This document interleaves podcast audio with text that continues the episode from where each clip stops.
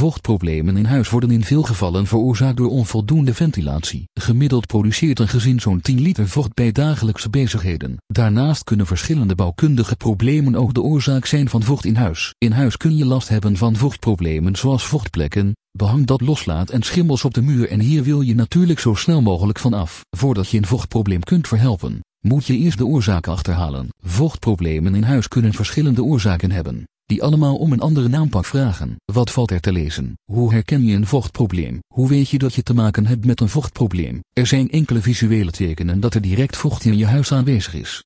Je merkt het aan, condens op de ramen en andere koude oppervlakken die niet snel wegtrekt zwarte schimmelvlekken of witte aanslag op de muren, het plafond, punt, muffe en onfrisse geur afbladderende verf, loskomend behang, beschadigd pleisterwerk, punt, grote, verkleurde vochtvlekken op de muren loskomende plinten, schade of verkleuring aan je vloerbekleding vochtdruppels in de hoeken van de kamer. Hoger verbruik van energie wat doen tegen vocht in huis. De oorzaak van vochtproblemen in huis kan echter hardnekkiger zijn dan soms wordt gedacht. Helaas moet je recht iets aan doen. Vocht is niet alleen slecht voor je gezondheid. Het kan je ook geld kosten. De energierekening gaat omhoog omdat er meer gestookt moet worden. Vochtige muren zorgen ervoor dat warmte sneller het huis verlaat. Gelukkig zijn er oplossingen die vochtproblemen in huis blijvend kunnen oplossen en in de toekomst kunnen voorkomen.